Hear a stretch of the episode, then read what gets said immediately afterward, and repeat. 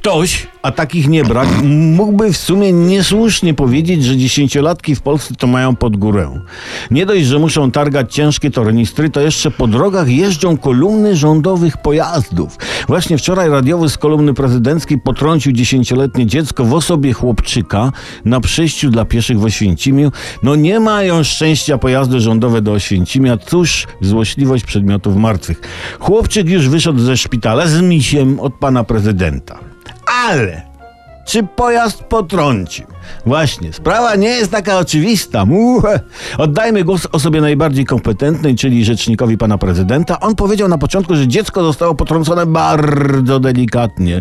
Takie tam, można powiedzieć, muśnięcie. No, motylek, gdyby w chłopca uderzył, narobiłby mniej szkód.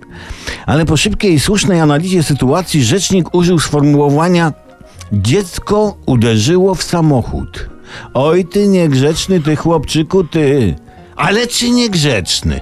Haha, Właśnie. Zadajemy sobie słuszne pytanie. Kto stoi za tym incydentem oświęcimskim, który przejdzie do historii jako incydent oświęcimski? I odpowiedzmy sobie pytaniem, czy czasem nie totalna opozycja? O, tak. Bezradnej opozycji już nie wystarcza rzucanie kłód w szprychę dobrej zmiany i przed wyborami z braku argumentów rzuca cynicznie pod koła pojazdów rządowych dzieci. A więc zamach na prezydenta.